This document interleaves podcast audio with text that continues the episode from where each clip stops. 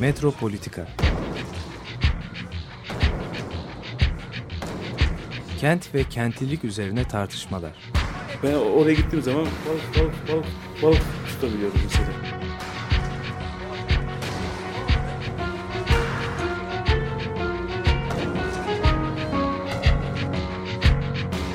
Hazırlayıp sunanlar Aysin Türkmen, Korhan Gümüş ve Murat Güvenç. Takusu yok yani. kolay kolay boşaltamadılar. Yani elektrikçiler terk etmedi Perşembe Pazarı merkezini.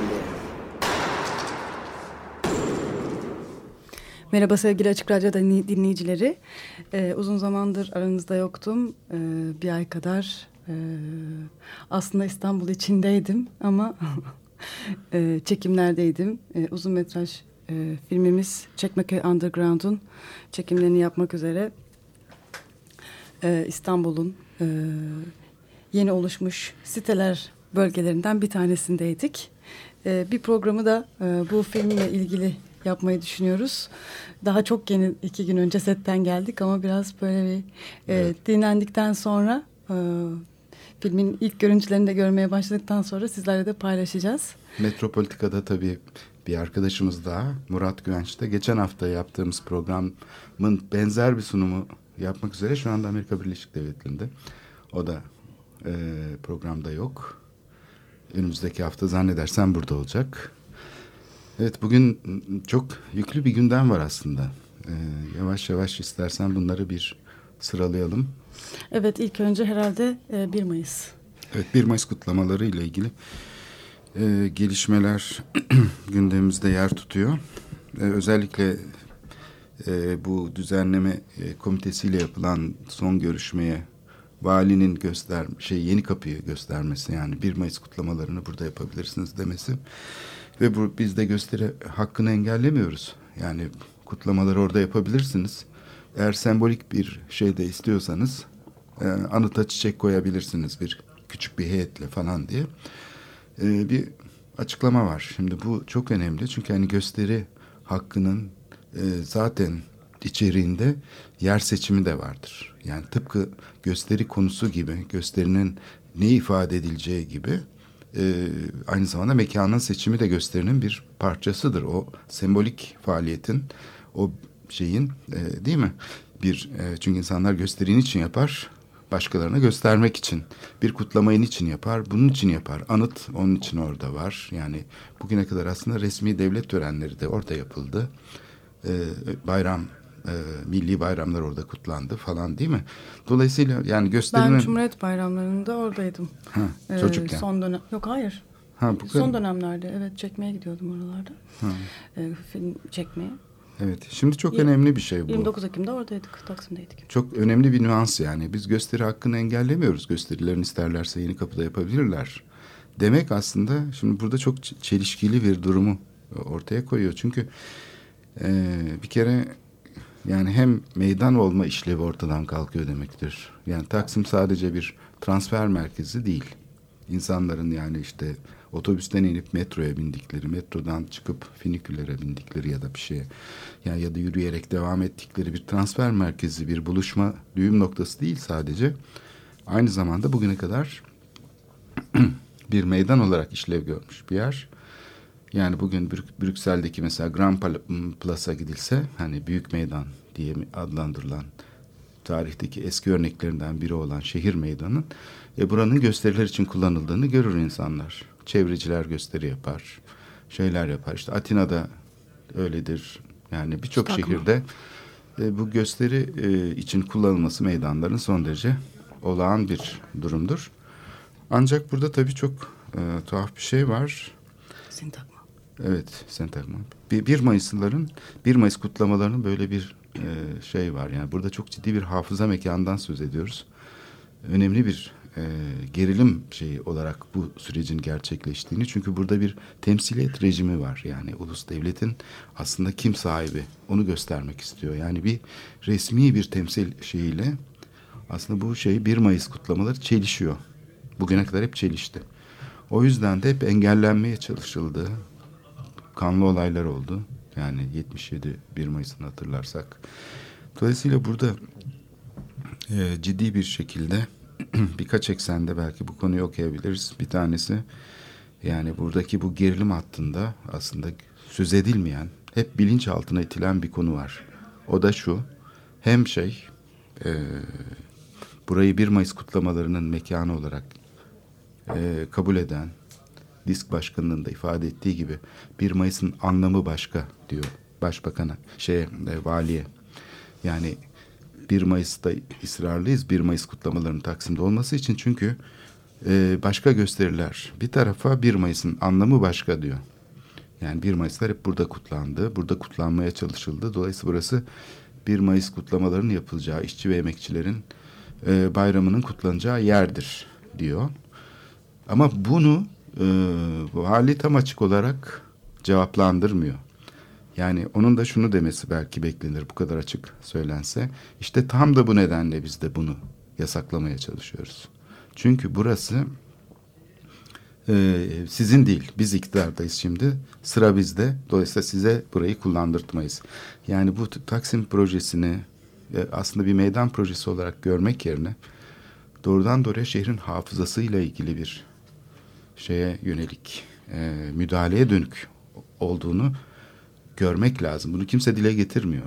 Özellikle bu sanki bir mimari düzenlemeymiş gibi adlandırılıyor ama aslında bunun arkasında e, böyle bir e, ulusalcı rejimin bir temsiliyet problemi var. Buraya kim hakim olacak? Yani geçmişteki hep programda konu ettik. Kasatura konmasından, İnönü'nün heykelinin konmaya çalışılmasından, e, işte Taksim Cumhuriyet Anıtı'nın oraya yapılmasından, operanın oraya yapılmasına. Yani hepsinde böyle bir şey gerilimi var. Yani buranın sahibi kim olacak? Dolayısıyla ben şunu düşünüyorum yani kısaca. Sahibinden çok iktidarın Evet. şey yani iktidarın kendi gösteri alanını belirleme noktası sanki Taksim. Yani burası bu, benim iktidarımı gö- gösterebilirim. Burada ben benim iktidarımı Ya da iktidarın göstereyim. çiğnenmesinin. Yani bir de benim bu, bu iktidarımı çiğneyemezsini de gösteririm. Evet. Şimdi mesela AKM yapıldığı zaman de yani o- orada o o- iktidar yani bu, bu bütün bu hani Evet. e, ulaşım düzenlemesi de onunla ilgili yani. Bir hani sonuçta bakarsak AKP iktidarının da e, kendini en başarılı bulduğu ve e, bulunduğu konulardan bir tanesi de ulaşım. Hani o ulaşım projesini de Taksim'de gerçekleştirmesi de gene iktidarını gösterme e, güdüsüyle çok iç içe. Evet. Çünkü ulaşım e, şeyini nasıl düzenleyeceğini kendisi biliyor. E, bu proje yapıldığı zaman bu tünelli projenin uygulama projesini yapan e, şeyler e, Nurettin Sözen zamanında belediye başkanıyken e, 90'lı yıllarda işte Taksim platformu oluşmuştu. O zaman biz gene toplantılar yapıp bu tünellerin yaratacağı riske dikkat çekmek istiyorduk. Çünkü meydanın bütün ulaşım e, ağızlarını tıkaça dönüştürüyor. Yani oraları birer uçuruma dönüştürüyor. Tünellerin rampası nedeniyle ve yanında isnat duvarları oluşuyor ve daracık kaldırımlar oluyor. Bu nasıl bir proje? Yani böyle bir müdahaleyi nasıl yaparsınız deyince bu projeyi yapan o zamanki kişiler bizi küçümsemişlerdi. Yani siz ne anlarsınız? Özellikle bana böyle hakaret gibi. Yani sen kavşak çözümünden ne anlarsın? Kavşak çözümü bilimsel bir konudur. Sen senin bu konuda uzmanlığın yok nasıl eleştirirsin gibi böyle e, şeyler azarlandığımı çok iyi hatırlıyorum. O zaman çünkü çok güçlü bir şekilde bunun yani ciddi bir iktidar şeyi var burada. Teknik bir meseleymiş gibi gözüken ama tartışmasız aynı bir e, hani ideolojik bir şey bağnazlık nasılsa buradaki teknolojik bağnazlık diyelim. Hani başka çözüm olamaz. Bilimsel olarak biz bu konuyu biliyoruz. Kendi e, şeyimizi doğrumuzu uygularız gibi. Dolayısıyla bu yapıldığı zaman e, tünel projesi e, açıkçası bir şiddet içeriyor. Yani bu açıdan çok haklısın. E, şeyin tünellerin e, sadece teknik bir konu olarak gösterilmesi ve Ka- Kadir Topbaş'ın da son olarak tartışılacak nesi var ki tünellerin ya bu bilimsel bir konudur falan demesi de bunu gösteriyor ama işte bilimsel bir konunun getirdiği bir sonuç. Özellikle emniyetsiz hale getirmeye çalıştılar Taksim'i e, toplu e, şeye gösterilere ki yani dört tarafını tıkaç haline getirip Gümüşsuyu tarafını, Mete Caddesi tarafını, Sıra Sevler tarafını, İstiklal Caddesi tarafını fakat bunu başaramadılar. Yani projenin engellenmesi nedeniyle. Şimdi ben şunu iddia ediyorum. Taksim'deki tek bir taşı değiştirmeseler bile, yerini değiştirmeseler bile şu anda koruma kurulunda bir proje var çünkü. Ama bu meydanın işlevini değiştirmek burası bundan sonra meydan olmayacak demek mesela çok önemli bir karardır. Bu karar böyle oldu bittiye getirilemez. Yani bunun için müzakere edilmesi gerekir. Her şeyden önce de e, farklı anlam katmanlarının okunması gerekir. Yani bir müdahalenin, bir hafıza mekanında yapılacak olan müdahalenin hani beyinden böyle parça alıp şey yapılırmış ya eskiden hastalıklarda tedavi için lobotomi, lobotomi diye bir şey var. Ona benziyor bu operasyon. Yani ben burayı böyle değiştiririm. Kamu yönetimlerin böyle bir şeyinin olmaması gerekir. Böyle bir e, hakkının, işlevinin olmaması gerekir. Bu kamu işlevi demek aslında kamusal nitelikli bir karar üretmektir. Ama aynı şekilde benim şöyle bir e, içimden bir şey geçiyor. Çünkü e, 1 Mayıs e, şeyin değil, işverenlerin bayramı değil. Ezilenlerin, dışlananların bayramı. Dolayısıyla burada bir sınıfsal perspektif geliştirilebilir. Yani bugüne kadar ulus devlet bu sınıfsal perspektifi karşıtlıkla, kutuplaşmayla örttü ve gizledi. Yani o zaman işte sağcı, solcu falan işte laik, İslamcı falan gibi. O yüzden bu alanın yönetimi, alan yönetimi dediğimiz şey aslında farklı şeyleri yan yana getirebilen, tıpkı Gezi'de olduğu gibi farklı öncelikleri yan yana getirebilen, yani kadın aktivistleri de e, LGBTİ'leri herkesi içine alan bir şekilde aslında bu temsiliyet oluşturulmuş olsa çok daha farklı bir sonuç alınabilir. Yani bu yüzden Müslümanlara, şeyleri yani hep böyle kendisini dışlanmış gören herkese açık bir kamusal alan olarak tarif edilse ve Taksim bizim demekten çok Taksim sizin dense yani bu tip iş kamusal niteliği üretmek için çalışan insanlar biraz bu alanı sahiplenmek için işte kendi projelerini, kendi amaçlarını, kendi şeylerini gerçekleştirmek yerine aslında tüm ezilenlere Taksim sizin deseler aslında yönetim bu kadar e, kolay Taksim'i kapatamaz gibi geliyor bana. Çünkü hep bu karşıtlık üstünden okunduğu için işte Atatürk Kültür Merkezi'nde de bunu gördük. Enkaz olarak gelmesinin bugüne nedeni bu. Eğer orası bu şekilde bir kutuplaştırılmış e, şeyin simgesi olarak görülmeseydi o çatışmacı e, yaklaşım içinde e, Kültür Başkenti programı içinde pekala onarılıyordu. Hem de mükemmel bir projeyle. Bugüne kadar bir kamu yapısının e, gerçekleştirilmiş en iyi projesiyle bugün Atatürk Kültür Merkezi şehre hizmet veriyor olacaktı. Ama bu kutuplaşma yüzünden e, sorun çözülemiyor. Hep yani taraflar haline geliyoruz ve kamusal nitelikli bir ilişki kuramıyoruz. Peki niye yeni kapı? Yeni kapı çok basit. Yani hem karşı tarafta da bir dolgu alanı var. Maltepe'de yapılan. Hem yeni kapıda. Bir kere çok fazla inşaat e, hafriyatı üretiliyor bu şehirde. Yer bulmak lazım. Bu hafriyata yer bulamıyor şey. Yani inşaatçılar sürekli bu çok ciddi paralar ödüyorlar bu hafriyatı dökebilmek için. Bir de ulaşım masrafları var. Şehrin dışına taşıyorlar vesaire vesaire. Şimdi o kuzeyde bir yerleri dolduruyorlar. Dolayısıyla hemen yakına doldurmak çok kolay. Yani hemen mesela diyelim şeyden e, bir E5 üzerindeki bir inşaatın ya da Bağcılar'da ya da işte iki telliden buraya gelebiliyor yani. E, bir kere e, tonlarca şeyi günde binlerce kamyon geldi yani yeni kapıya gözlerimizle gördük. o büyük kamyonlar var şimdi sarı şeyle damperli kamyonlar. Ama daha önemlisi burada bir şey rejimi var. Yani e, izole etme, görünür olmaktan çıkarma muhalefeti bilinçli olarak.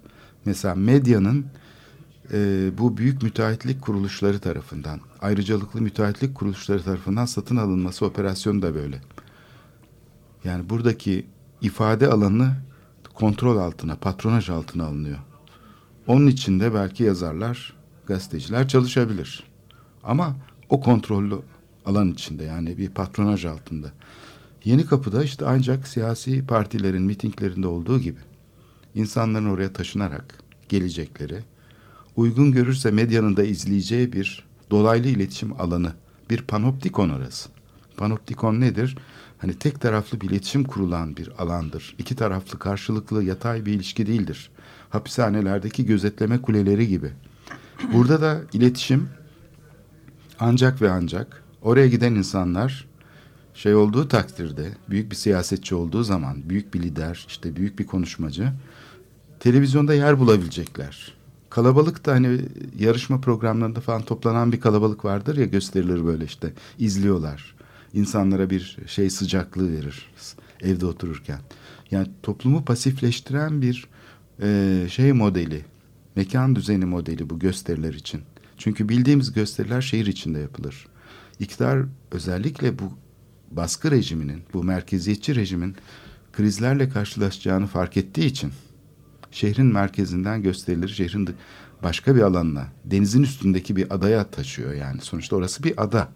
Çünkü şehirle bağlantısı kesilmiş. Kolaylıkla insanlar bir şey yaptıkları takdirde, yürüyüş yapmaya kalktıkları takdirde engellenebilecekleri, kapatılabilecekleri, hapis edilebilecekleri bir toplama kampı, temerküz kampı gibi bir yer. Yani oraya insanlar önceden izin alacaklar ve orada üstelik e, şeyde var, giriş çıkış da kontrollü, e, polis de var, hastane de var yani yaralılar olursa.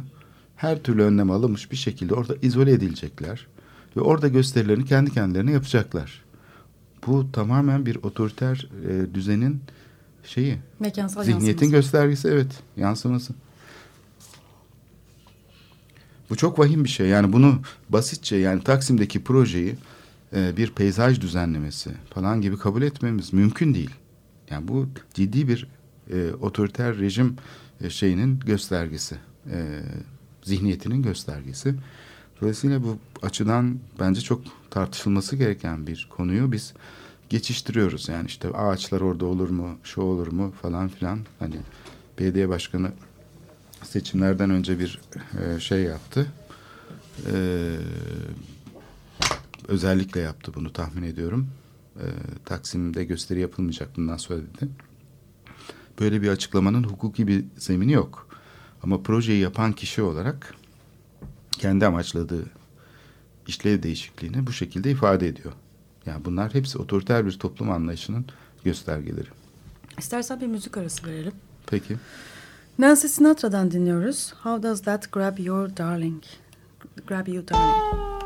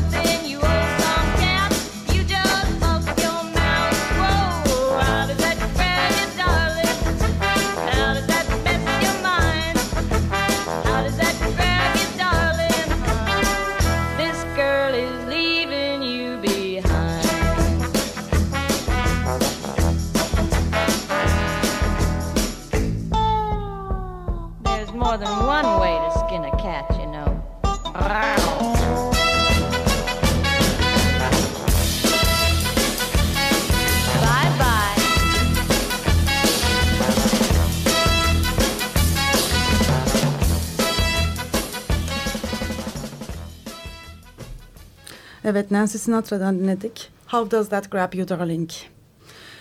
Ee, Taksim Meydanı ile ilgili e, sohbetimize devam ediyoruz. Ee, 1 Mayıs kutlamalarıyla ilgili e, konuşurken Yeni Kapı da niye oluyor, niye Yeni Kapı'yı tercih ediyor e, iktidar diye e, aynı zamanda sorguladık. E, tekrar Taksim üzerinden devam edersek e, gezi olaylarıyla ilgili e, bakanlık müfettişlerinin raporu tamamlandı. Evet bir hafta önce de bu rapor yayınlandı. Aslında eski hazırlanmış bir rapor. Bakanın söylediğine göre yani eski bakan zamanında hazırlandı diyor ama yeni çıktı kamuoyuna. Geçen hafta Radikal'de yer aldı, şeyde yer aldı, tarafta vesaire, tüm gazetelerde. Şimdi o raporu ayrıntılı olarak tabii bir program boyunca tartışabiliriz ama e, sonuçta rapordan şöyle bir sonuç yani çıkıyor. Diyor ki sorumlular hakkında bir şeye ihtiyaç bulunmuyor, soruşturmaya. Yani İstanbul Valisi ve belediye başkanı hakkında bir soruşturmaya mahal e, kalmadığını belirtiyor. Çünkü e, onların sorumluluklarını yerine getirdiğini ifade eden bir rapor. Dolayısıyla olayı örtüyor. E, ve raporun içinde çok önemli bir ifşa, ifşaat var. E, 28 Mayıs sabahının bir betimlemesi yapılıyor. Bu 28 Mayıs e, sabahı gerçekleşen olayın betimlemesi tamamen bir kurgu. Yani amaçlanan bir senaryonun e, ifşa edilmesi gibi. Çünkü neden? E, raporda şöyle e, yazılı e, işte e, şeyler göstericiler işte bir takım şeyler atmışlar taşlar atmışlar itişmeye kakışma çıkmış polis de araya girmiş ve polis müdahale etmek zorunda kalmış. Oysa ki orada bulunan herkes biliyor ki böyle olmadı. Ee, burada e, tamamen çatışmasız, tamamen barışçı bir eylemle insanlar ağaçlara tutundu. Hepimiz ağaçlara tutunmuştuk. Ama o sırada 60 tane sivil e, kişi ki bunlar büyük olasılıkla müteahhitin e, görevlendirdiği insanlardı. Yani sivil güçlerdi onlarda. E, bunlar göstericileri bu ağaçlardan söküp atma görevini üstlendiler. Çünkü müdahale yasa dışıydı. Ben bunu hep söyledim. Müdahale e, yasa dışı olduğu için polis doğrudan doğruya göstericilere ya da gösterici demeyelim barışçıl bir şekilde ağaçları sevgiyle kucaklayan insanları söküp atamazdı ağaçlardan. Çünkü o zaman yasa dışı işlemi desteklemiş olacaktı. Böyle bir şeyi de pek e, polisin olmadığını söyleyemeyiz ama yapabilirdi yani. Ama onun yerine daha farklı bir senaryo kurgulanmıştı. Yani o sivil giyimli kişiler insanlara saldırdılar. Onları söküp atmaya çalıştılar. Onlar da büyük olasılıkla parayla tutulmuş kişilerdi. Ve onları yöneten kişi İstanbul Emniyet Müdür Yardımcısıydı. O da onların arkasında onlara emir veriyordu. Dolayısıyla raporda bunun bu şekilde betimlenmesi yani çatışma çıktı polis de araya girdi. Aslında bu kurgulanan senaryoyu ifşa ediyor. Bu çok önemli bence. Altı çizilmesi lazım. Bu rapora itiraz edilmesi lazım bu açıdan. Çünkü rapor bence insanların hani itişme kakışma falan içinde olduklarını söylüyor. Soğukkanlı bir şekilde bu durumu betimlediğimizi düşünürsek biz de aynı şekilde o zaman bu rapor doğru değil. Bu raporda hatalar var dememiz lazım. Ee, bunu da kamuoyuna duyurmak sorumluluğumuz. Ben geçen gün gazetede yazdım bunu. Yani oradaki e, olayın bu şekilde aktarılması aslında olayın örtbas edilmesini sağladığı gibi aynı zamanda da ifşa edilmesini sağlıyor. Neyin? Kendi gerçekleştirmek istedikleri kurgunun ifşaatı. Rapor bu açıdan çok çok önemli bir şey malzemesi. Belge aslında. Belge çok önemli bir belge. Buna elbette ki itiraz edilmesi ve bu olayın açıklığa kavuşturulması lazım. Burada bir anlaşmazlık var. Yani kamu adına yapılan ki bizim adımıza yapılan bir çalışma bu. Raporlanması sorumlular hakkında e, suça, suç bulunmadığını e, şey yapıyor, çıkarıyor sonucunu. Oysa ki burada bir suç var. Çatışmasız bir ortamı kamu görevlileri çatışmalı bir ortama dönüştürmeye çalışıyorlar. Bu çok ciddi bir suçtur. Halkı birbirine düşürmeye çalışmak demek. Ve bunun için de basbayağı insanları görevlendiriyorlar, emir veriyorlar. Ve bunu örtmek için de bu raporda tamamen şey başka bir açıdan e, senaryonun e, gerçekleştirmek istedikleri senaryo açısından rapor bunu anlat, anlatıyor, betimliyor yani. Olayın gerçeği öyle değil. Bunu herkes gözleriyle gördü. Orada bulunan herkes bu 60 kişinin ya da 50-60 kişinin yönlendirildiğini ve insanlara karşı kullanıldığını, bunların parayla tutulduğunu ya da parayla tutulmasa bile yani bunlar emir altındaydılar. Belki taşeronun altında çalışıyorlardı vesaire. Dolayısıyla bu çok önemli bir ayrıntı. Daha sonraki şiddet olaylarında da çünkü benzer olaylar yaşandı. Benzer yapıda e, şeyler, senaryolar kurgulandı. Sivil insanlara işte sopalar verildi vesaire. Burada yalnız daha ilk günde bir çok ciddi bir suç işledi kamu ve bu rapor bunu örtbas ediyor. Bir bu. İkincisi tabii ki müdahale yasa dışı. Bunda belediyenin sorumluluğu var. Çünkü proje dediğimiz, e, plan dediğimiz şeyler kamusal kararların içeriğini oluşturur. Bu içerik kamusal nitelikte değil. Çünkü onaylanmamış. İzinsiz yani. İzinsiz bir inşaat yapıyorlardı. Dolayısıyla bu da ikinci suç. Yani sorunlar hakkında efendim şeye gerek kalmıyor, soruşturmaya gerek kalmıyor değil. Ba- basbayağı bir gereklilik var. Çünkü kamu yönetimi orada görevini yapmıyor. İzinsiz bir iş yapıyor. Yani bunun gibi rapor olağanüstü bir şey e, ne denebilir? Tartışmaya konu olabilecek bir şey belgesi. Yanlışlıklar belgesi, hatalar içeriyor. Ayrıca daha neler var yani raporda? Ee, Ama iki yazıldı belki de. de. Tam da dediğin gibi örtbas etmek istediği şeyi İlk yazıldı ama ifşa ettiği için de iki hani yazıldı ki tarihi bir şekilde bu ortaya çıkacak tabii bütün bunlar yani mümkün değil böyle böyle kalmış kal- kalabilmesi Evet. mümkün değil. ama Hani- böyle şeyleri pek önemsemiyoruz. Biz diyoruz ki bu rapor sonuçta işte yani e, idari bir soruşturmaya gerek yok diyen e, reddettiğimiz zaten ne olduğunu bildiğimiz bir şey. Hayır. Bizim daha soğukkanlı olup bu tip kamu görevlerinde kamuyu görevini yapmaya çağırmamız lazım. O rapor objektif bir şekilde yazılması için herkesi dinlemek zorunda kardeşim. O müfettişler kimleri dinlemiş? Oradaki kamu görevlileriyle herhalde görüştüler o kadar. Acaba niye halkla görüşmüyorlar? Mağdurlarla niye görüşmüyorlar? Onları işgalci diye adlandırıyor mesela. İşgalci değil, parkı kullanan insanlar. Yani neredeyse terörist diyecekti. Terörist.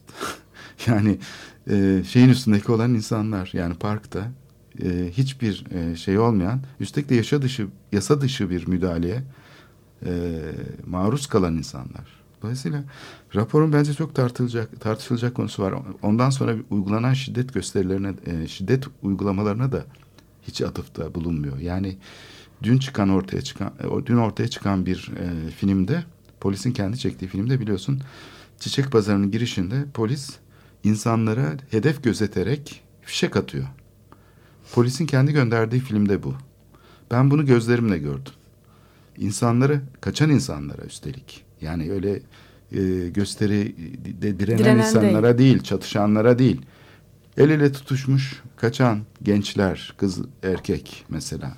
Arkalarından enselerine atış yapıldığını ben gözlerimle gördüm. Dolayısıyla raporun bundan da söz etmesi lazım. Hedef gözeterek polis atış yaptı. Bunlar filmde de var. Polisin kendi verdiği filmde var mesela. Dolayısıyla rapor bu açıdan tamamen hatalarla dolu. Ee, bizim bu raporu alıp tartışıp e, kamuoyuna gerçekleri Aslında bu anlatmamız raporun lazım. mesela birisi bu raporun bel, bel- e, belgeselini çekse. Yani bu rapordan hareketle bir belgesel Evet. çekilse. Onu Ya- şey yapmak için.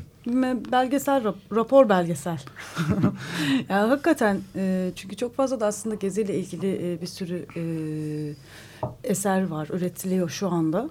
Ha, bu çok enteresan bir e, yaklaşım da olabilir. Bu Kesinlikle. rapordan ortaya, bu yo- rapordan yola çıkarak bir şeyler Evet. yani tek tek cümle cümle ne söyleniyor? Onun, Evet. onun üzerinden gitmek yani. Tam da iktidarla o zaman konuşmaya başlıyorsun. Hani konuşmamak, tavır almak, direnmenin ötesinde bir şey yapmış olsun. Evet, Tam muhatap almak. Bu raporu muhatap alarak. İktidarı taraf olarak olmaktan çıkarmak. Aynen. Çünkü iktidar kendisini taraf olarak görüyor. İktidar bu raporu hazırlatırken İçişleri Bakanlığı kamu gözüküyor. görevi olarak hazırlamıyor. Sanki çatışmanın bir tarafı olarak hazırlıyor. Karşı taraf olarak görüyor. Zaten Taksim konusundaki mesele de buradan kaynaklanıyor. Hep kamu görevinin arka planda kalması. Bizim bu süreci kamusallaştırmamız gerekiyor. Yani kamuya dememiz lazım ki sen bizden vergi alıyorsun. Dolayısıyla müfettişler bizden maaş alıyor. Bu raporu hazırlarken objektif olmasını sağlayacaklar. Bu nasıl sağlanır? Farklı görüşleri dinleyeceksin.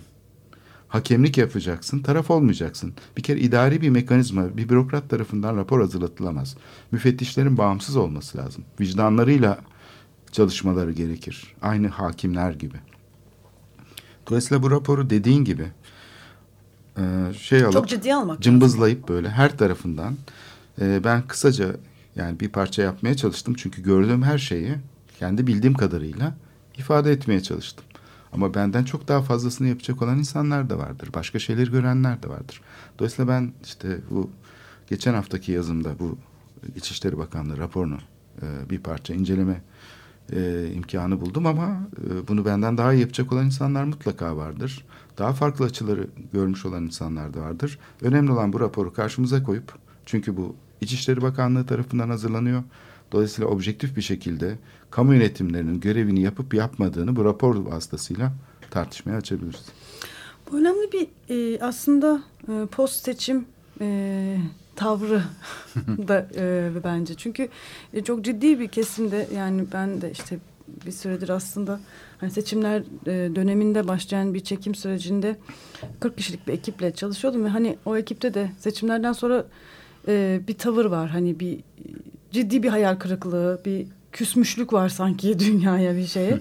E, tam da burada aslında bambaşka bir hani e, seçimlerle ilgili almamız gereken bir sürü dersler de var. Hani çok enteresan noktalar var seçimlerle. Gelecek haftalarda bunları da e, hep beraber programda da tartışacağız.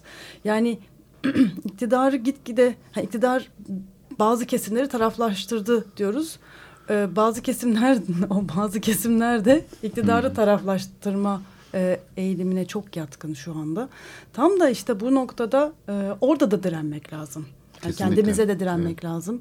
Orada başka türlü bakış açılarını, e, algı biçimlerini de geliştirmek lazım. Yani e, ne oluyor, ne yapılıyor, e, ne olacak? Hani bütün bunlarda hep beraber kararlar e, vermeye iktidar her zaman zorlamak lazım. İktidarı çünkü beklediği cevabı vermemek lazım.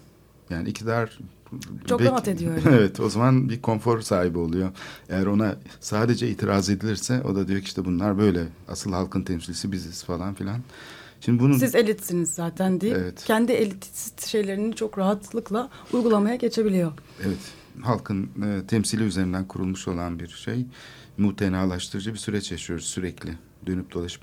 Şimdi çok önemli konular var. Tabii biz bir haftalık gündemi e, bir programa sığdıramıyoruz bazen ama mesela bu e, Gülten Kışanak'ın, Gültan Kışanak'ın Diyarbakır Belediye İş Başkanı e, BDP'li e, yerel e, yönetimin e, petrolden ya da enerji kaynaklarından pay alınması ile ilgili sözleri epey bir tartışma yarattı. E, bence bu önemli bir konu. Yani hem bu konuştuğumuz meseleler yani merkezi bütçe yönetim ve bütçe katılımcı bütçe yönetimi açısından da önemli. Şimdi ilk bakışta şöyle algılanabilir. Vay canına yani bunlar ayrıca şeylere el mi koymak istiyorlar? Yani devlet bir bütündür, bölücülük mü yapıyorlar? Falan gibi okuyanlar olabilir. Yani Ulus devlet perspektifinden Ulus devlet zaten böyle perspektifinden okunabilir. böyle Başka okunur. türlü okunamaz. Şimdi ben mesela İstanbul açısından baktığım zaman İstanbul'un bütün değerli arazileri, kamu arazileri bunlar e, merkezi yönetim tarafından işletiliyor, satılıyor, değerlendiriliyor. Yani 3. Havalimanı İstanbulluların ulaşım ihtiyacı üzerinden merkezi bütçeye kaynak transfer ediyor. Üçüncü köprü, ikinci köprü, birinci köprü bunların hepsi merkezi yönetimin gelir, e, müthiş gelirlerine e, elde edeceği alanlar. Yarattıkları imar rantıyla da e, merkezi yönetimin e, şehir üzerine, üzerindeki şeyini güçlendiriyor, tahakkümünü. E, dolayısıyla ulaşımdan efendim kültüre kadar her şey İstanbulluların ödedikleri bütün vergiler aslında merkezi yönetime gidiyor. Merkezi yönetimden sonra yerele gerekirse bir kaynak iletiliyor. Şimdi bu patronaj sistemini e, değiştirecek şeylerden biridir aslında bu karma bütçe yönetimi. Yani merkez yönetim de kaynak aktarır ama yerel yönetimin de kendi gelirleri olması gerekir. Mesela bu rant artışını başka türlü kontrol edemeyiz. Yani rant artışı dediğimiz şey rantı hep sürekli görmezden geliyoruz ama işte bir yol geçildiği takdirde, geçirildiği takdirde bir yerden ya da bir köprü yapıldığı zaman e, işte birse değeri 10 oluyor bir arazinin. Bu aradaki dokuzu birileri cebine atmıyor. Bu para bir şekilde bir yerlerde kullanılıyor. Yani işte bu yolsuzluklara konu olan şeylerin çoğunda da zaten imar rantları var. Bazılarına rağmen de oluyor bu rant. Bunu da atlamamak lazım. Tabii. Yani ve o, o ra- ra- bu bazıları da bu do, dokuzdan hiç pay almıyor. Evet. Bu artıştan hiç pay almıyor. Yani bazılarının hayat kalitesi ciddi düşüyor bu artışlar olurken. Tabii. Gelir transferi sağlamak için inşaat faaliyeti kullanılıyor. Türkiye'de inşaat faaliyeti zaten böyle bir ses sektör değildir. Geçen programda da iş- işledik. Yani yaratıcı bir sektör değil. Sadece işte gelir paylaşımını e, sağlayan bir sektör. Yani para basmak gibi bir şey aslında. imar izni vermek.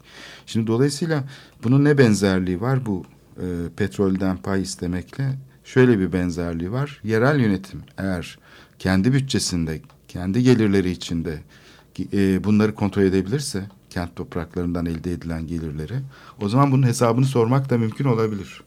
Ama şu anda bunun hesabı sorulamıyor çünkü merkezi yönetim bu kaynaklara el koyuyor.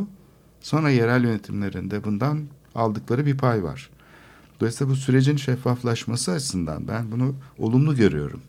Yani e, yerel ölçekteki gelirlerin e, belli olması ve bu gelirlerin e, şeyinde yönetiminde mer- merkezi yönetim değil yerel yönetimin etkili olması. Çünkü oradan sağlanıyor bu kaynaklar. İstanbul'un sahilleri özelleştirildiği zaman bu aslında İstanbulluların cebinden çıkan bir para. Birisine bunu satarken merkezi yönetim. Ama o para merkezi yönetimin kontrolünde. Bu kabul edilemez bir şey. Yani dolayısıyla İstanbul'un petrolü yok ama mesela imar e, değişiklikleriyle elde edilen her sene 1500 tane imar planı tadilatıyla yani değişikliğiyle elde edilen Türkiye bütçesini aşan bir gelir var. Bu gelirin yönetimi için eğer biz ne zaman bunu bilinç altından bilinç üstüne çıkarırsak siyasi planda o zaman yolsuzlukları engelleyebiliriz. Çünkü o paralar o zaman denetlenebilir olur. Ve o zaman da peşkeş çekilemez kent arazileri. Daha önemlisi o. O zaman böyle bir fırsat ortaya çıkmadığı için, fırsat rantı ortaya çıkmadığı için bunun bedelini insanlar ödeyeceklerini bildikleri için yeşil alanları imara açamazlar. Bu çok önemli bir şey. Ranta karşıyım falan demek yetmez. Rantın nasıl kontrol edileceğini göstermek gerekir. Dolayısıyla petrol değer böyle kabul edersek şehir toprağındaki değer gibi, değer e, üretimi gibi aslında Gülten Kışanak'ın söylemiş oldukları tartışılmaya muhtaç önemli bir e, konu. Yani hani bizim programımızda zaten hani defalarca dile getirdiğimiz bir şey zaten. Hani dünyada artık yönetimler daha yerel yönetime doğru kayıyor. Başka çare yok. Hani Evet. Gülten Kışanak e, bunu televizyonda da e, diğerler hiçbir partinin dile getirmediği şekilde dile getirdi. Yani dünyada böyle bir e, eğilim var. E, biz e, kendi partimizde de biz bunu tartışıyoruz artık. Hani bu tartışılmıyor bile Türkiye'de daha doğru düzgün. Yani biz programımızda tartışıyoruz ve hani marjinal bir tartışmaymış gibi. Halbuki dünyada bu çok e, artık önemli bir tartışma. Ve bu anlamda da aslında çok önemli bir şey e, oluyor.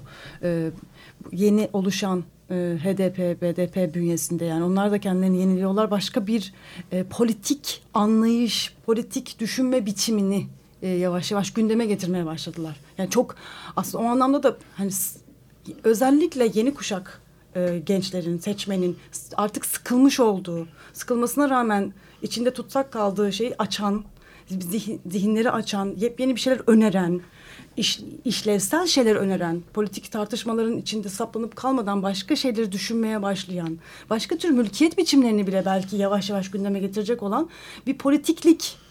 E, bu, bu anlamda çok önemli e, bir nefes geldi. Yani yeni bir deneyim yaratma fırsatı ortaya çıkabilir. Ancak bu yeni değil dünyanın her yerinde bu değişim yaşandı, yaşanıyor. Yaşanıyor, şu Biz anda çok geç kaldık. E Bizde yani daha yeni yeni dile getiriliyor. UNESCO'nun diyelim e, 82 yılında imzalamış olduğu Türkiye'nin Dünya Miras Sözleşmesi'nde olsun.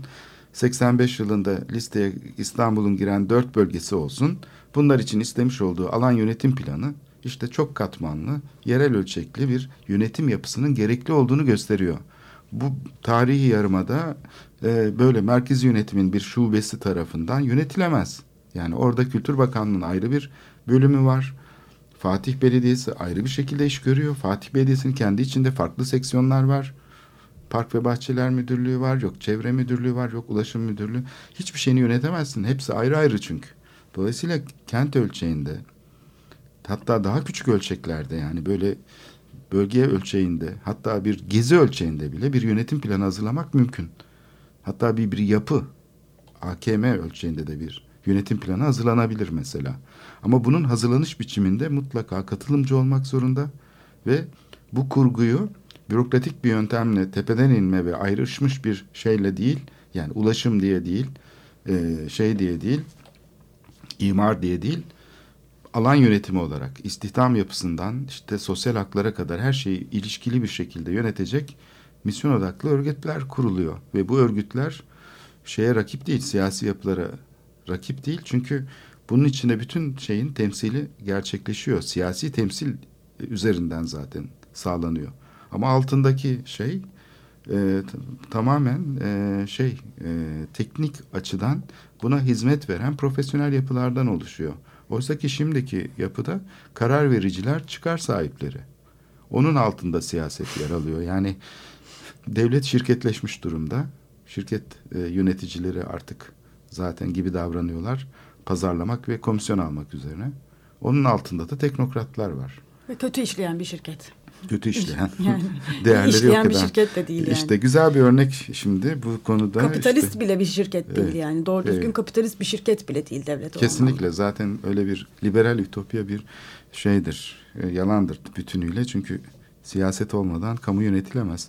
Şimdi geldik o zaman İstanbul'un böyle kaymak bir şeyin böyle tam hani e, Murat Güvenç'in söylediği gibi pastanın üstündeki çileklerden birine e, geçen haftanın önemli tartışma konularından biri Sevda Tepesi konusuydu. Petrolden e, Boğaz Tepesi'ne geldik. Boğaz'da da petrol var. Suudi Arabistan e, şeyi kralının e, kaç yılında e, pazarlanmış? 2000 84. 84 yılında evet 84 yılında bu tartışma e, yaşandı. Yaş- Yani böyle yaşandığını biliyoruz. E, o dönem işte sonunda iptal edildi. CHP ya da SHP yönetime gelince Büyükşehir Belediyesi'nde zaten o şey hayal sona erdi.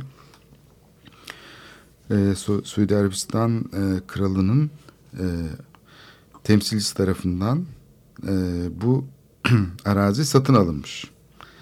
Ee, ve sonra da 2004 şey 1984 yılında e, sonra da işte imara açılamamış bir türlü. Boş kalmış yani yazıda da Boş kalmış. boş kalmış. Yani zaten Boğaz Öngörüm bölgesinde. Olacak iş değil yani. Şimdi çok enteresan bir konu bu.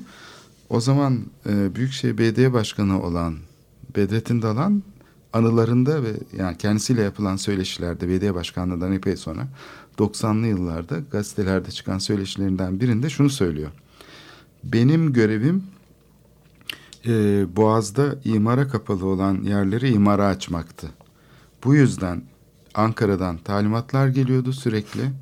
Fakat e, en büyük sorunum, yaşadığım en büyük sorun da şuydu.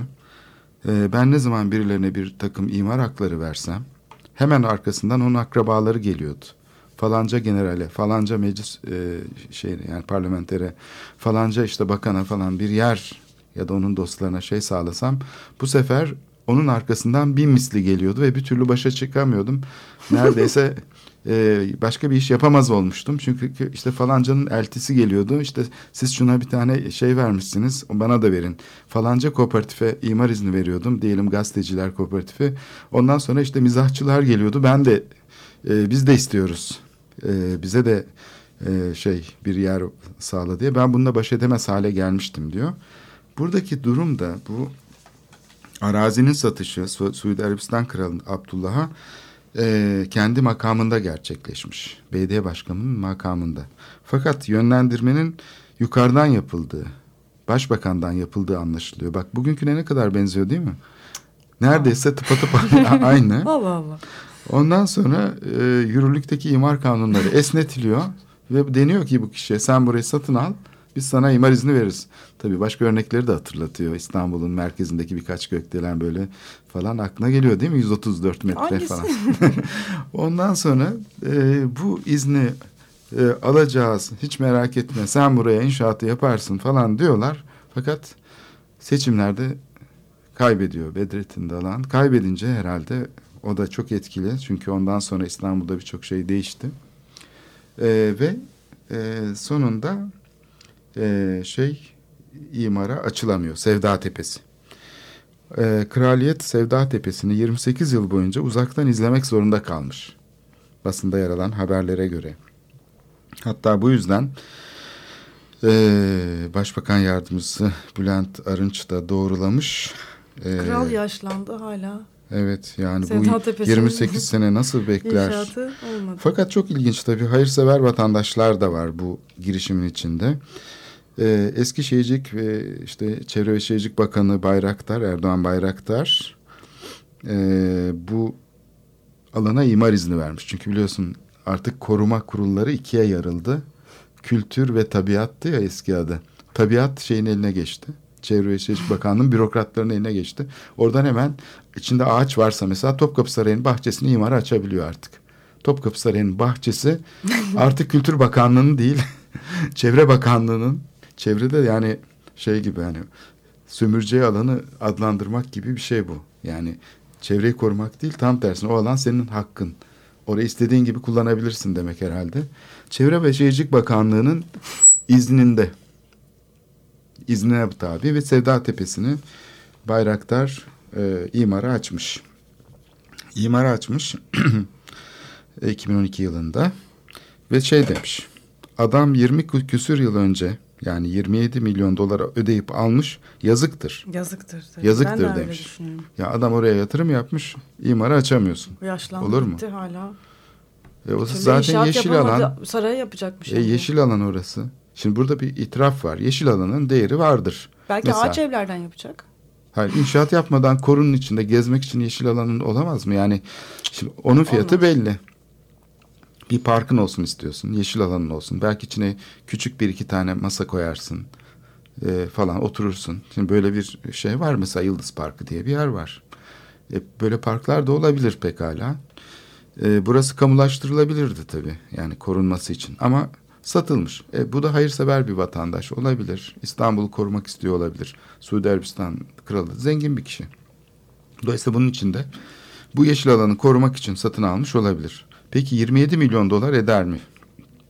O zamanki parayla. yeşil alan. Şimdi satışı yapan kişiler biz bunu tehdit altında yaptık diyorlar. Ee, iki şey aile ve bir belge gösteriyorlar. Bu belgede Sevda Tepesi'nin aslında 27 milyon dolara değil bir buçuk milyon dolar mı ne satıldığı gözüküyor. 1 milyon 200 bin dolar. hatta. Nirvana ve Blora ailesi. Ee, bu şimdi çok ilginç. Aradaki para nereye gitti acaba? Kral o parayı ödedi büyük ihtimalle. Ee, bu şeyi de kabul edersek e, Saray da yok. Bayraktar'ın sözlerine adam 27 milyon dolar ödemiş diyor. O bunu teyit ediyor. Yani adam sahiden yani Suudi Arabistan kralı ödemiş olabilir bu parayı. Peki o aradaki para nereye gitti? Sonra bugünkü duruma gelirsek bu izin verilirken iki ay sonra da bir bağış gerçekleşiyor. 100 milyon dolara yakın bir bağış Suudi Arabistan kralı tarafından bu izin gerçekleşiyor ve ondan sonra da e, Başbakan Tayyip Erdoğan'ın e, ailesinden kişilerin de kurucuları olduğu Türgev Vakfı'na 100 milyon dolara yakın bir bağış yapılıyor. İşte rant böyle kontrol ediliyor aslında. Ben onu söylemeye çalışıyorum. Eğer bu şey sistem düzenlenemezse bu aradaki yani bu kamu kararıyla oluşan rant pekala bir şekilde kullanılıyor ama bunun kullanımının yolları tamamen e, gayri hukuki yani hukuk dışına itilmiş durumda. Burada da bunun örneğini görüyoruz. Çünkü merkezi yönetim buradaki Çevre ve Şehircilik Bakanlığı buradaki imar hakkını düzenliyor. Kralın e, kralın e, hakkı bile çiğnenmiş oluyor. Krala bile e, 27 sene bekletiyorlar. Ondan sonra da para almadan bu işi yapmıyorlar. Çok çılgın. Yani burada tabii daha önceki yönetimin, belediye yönetiminin çok büyük sorumlulukları var. Söz vermiş. Fakat seçimleri kaybetmiş. Kaybetmeyecekti. Yani bütün numaraları çevirecekti ve tekrar iktidarda kalacaktı. Onu becerememiş. O yüzden bu sorun yaşanmış büyük ihtimalle. Çünkü söz vermişler adama. Adamcağız da yaşlanmış yani. Bak fotoğraflarına bak. Araziyi satın aldığında Gencecik. genç gencecik bir insan. Şimdi yaşlı bir insan. Yazık değil mi? bir vatandaş olarak bir İstanbul vatandaşı olacak belki bizimle birlikte yaşarken burada ve bu kendisine çok görülmüş. O kadar kooperatifler yaptılar. Şimdi dikkat edersen Sevda Tepesi'nin çevresinde ne kadar koru, yeşil alan varsa hepsi son şeyine kadar bina doldu. Çivi atsan yere düşmez. Çünkü her tarafı imara açtılar plan tadilatlarıyla. Bir tek Suudi Arabistan kralına inşaat izni vermediler. Bu büyük bir haksızlık. Çok büyük haksızlık olmuş ama İstanbul gerçekten krala o anlamda teşekkür edebilir. 30 sene hiç değilse yeşil kalabilmiş bir noktası olmuş. Belki kralın da bir hatası var yani. Bu bağışı daha önce yapacaktı. Yapmamış olabilir. Ben size verdim Atlamış. zaten vereceğimi demiştir. Kızmış olabilir. Yani 27 milyon dolar ve 27 sene. Düşünsene her sene 1 milyon ödese zaten e, şey olur. Bir kere satın almış olur. Yani kiralamış olsaydı 1 milyon dolara o yaptığı binaları zaten ödediği parayı geri almış olurdu. Ama işte bu işler böyle olmuyor. E, herkes muzdarip bu şey meselesinden. Kral bile. Kral bile. Dolayısıyla bu Sevda Tepesi daha çok tartışmalara konu olacak ee, önümüzdeki dönemde gibi gözüküyor. Çünkü ortaya çıkması bu bağışın bence çok anlamlı. 100 milyon dolara yakın bir bağış. Arkasında bir de 10 milyar dolar var ama artık bakalım. O da emlakçının komisyonudur herhalde. Ha, 10 milyar dolar. Ha, 10 milyar dolar mı? Evet esas 10 milyar dolar. Türkiye'deki yatırımları. Evet. Bütün Bakalım. şey medya sektörü vesaire her tarafa. Evet. Yok ee, bu hibe. hibe mi? Hibe diye geçiyor. Evet. Olabilir. Ee, şey e, zengin. Yani petrol gelirleri işte Diyarbakır'ın petrol geliriyle uğraşsın Gülten Hanım. Ee, başbakan ve ailesi Suudi Arabistan'ın petrol gelirinden pay alıyor. Daha ne istiyoruz? Yani bununla övünmek gerekirken bir de bunu eleştiriyorlar. Eleştiriyorsunuz yani. Yani Diyarbakır'dan çıkan petrolün miktarı belli. Suudi Arabistan'dan o parayı almak kolay mı? Onun için boğaz feda olsun. Ne olacak yani? 27 milyon dolarcık. Yok ondan sonrakini kastediyorum. O, 100 o milyon gideceği yere gitmiş o zaten. Çeşitli vakıflara dağılmıştır o. Vakıflar eliyle zaten şimdi bugün e, bazı yerlerde biz gözümüzle gördüğümüz işte bir takım üniversiteler falan kurulmuştur. Ama e, Suudi Arabistan'ın petrol gelirlerinden pay almak da büyük bir onur kaynağımızdır. Onu da söyleyelim. Böylelikle de programı bitirelim. Evet. Bu haftalık böyle geçsin. İyi haftalar diliyoruz. Hoşçakalın.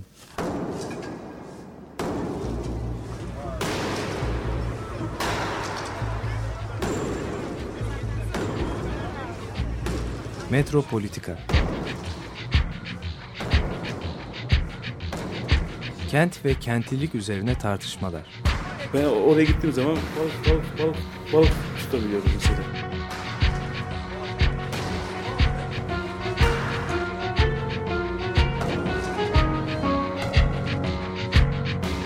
Hazırlayıp sunanlar Aysin Türkmen, Korhan Gümüş ve Murat Güvenç. Takusuyor ki. Kolay kolay boşaltamadılar. Yani elektrikçiler terk etmedi Perşembe Pazarı merkezini. Açık Radyo program destekçisi olun. Bir veya daha fazla programa destek olmak için 212 alan koduyla 343 41 41